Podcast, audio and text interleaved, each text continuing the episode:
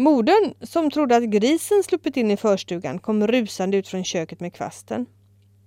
Olle kunde inte säga annat än oj, oj och ho, ho.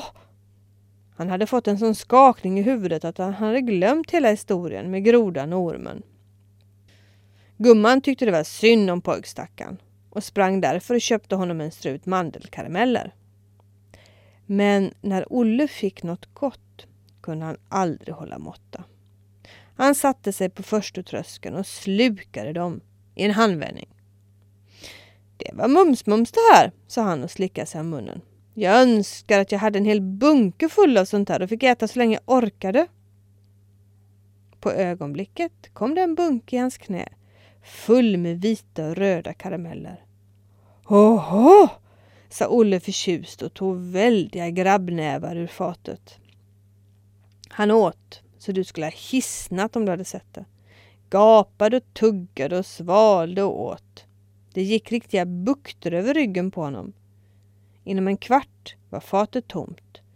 Men då var Olle så tjock och stinn som en korv. Nu kanske du vet att mandel innehåller ett gift och att man blir sjuk om man äter för mycket. Detta fick Olle också erfara. Efter en stund låg han inne på soffan och krökte ihop sig som en kolmask, höll händerna för magen och skrek värre än en gris som sitter fast i en gärdsgård. Den snälla modern skickade efter doktorn. Han tvingade Olle att dricka ur en hel flaska bittervatten som på en timme rensade bort giftet och gjorde Olle så tom som en jakthund. Några veckor därefter skickade modern ut Olle att rensa morötter i den lilla trädgårdstäppan. Olle traskade surmulen ut och la sig bredvid morötterna för att vila en stund innan han började. Nu var det så att det i trädgården fanns ett präktigt körsbärsträd fullt med de största och rödaste körsbär. Men de satt så högt att man inte kunde få tag i dem utan att klättra upp i trädet. En eh, hurtig och klok pojke skulle genast tittat på att sätta en stege mot trädet och på det sättet skaffa sig en bekväm väg upp till de saftiga bären. Men Olle var både för dum och för lat för att tänka på något sånt. Nu låg han bara och förargade sig över att kråkor och skator svärmade mellan grenarna och hackade i sig det ena bäret efter det andra. Ho, ho, sa han och smackade med de tjocka läpparna. Jag önskar att jag satt där uppe i toppen. Alldeles som en virvel hade ryckt honom från marken flög han på ögonblicket upp i toppen där han blev hängande på en av de översta grenarna.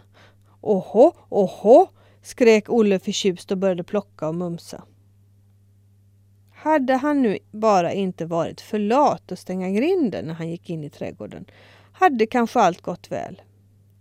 Men eftersom nu grinden stod öppen så kom grisen in i trädgården och började skrubba sig mot körsbärsträdet.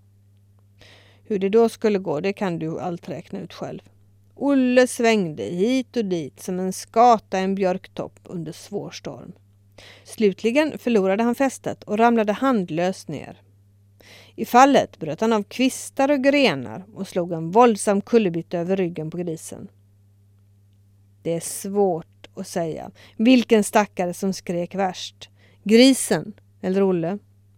Men säkert är att grisen aldrig mer tog skrubba sig mot ett körsbärsträd när det satt en pojke i toppen. Och att Olle i åtta dagar gick med trasiga nävar, en uppsvullen näsa och röda skråmor på kinderna.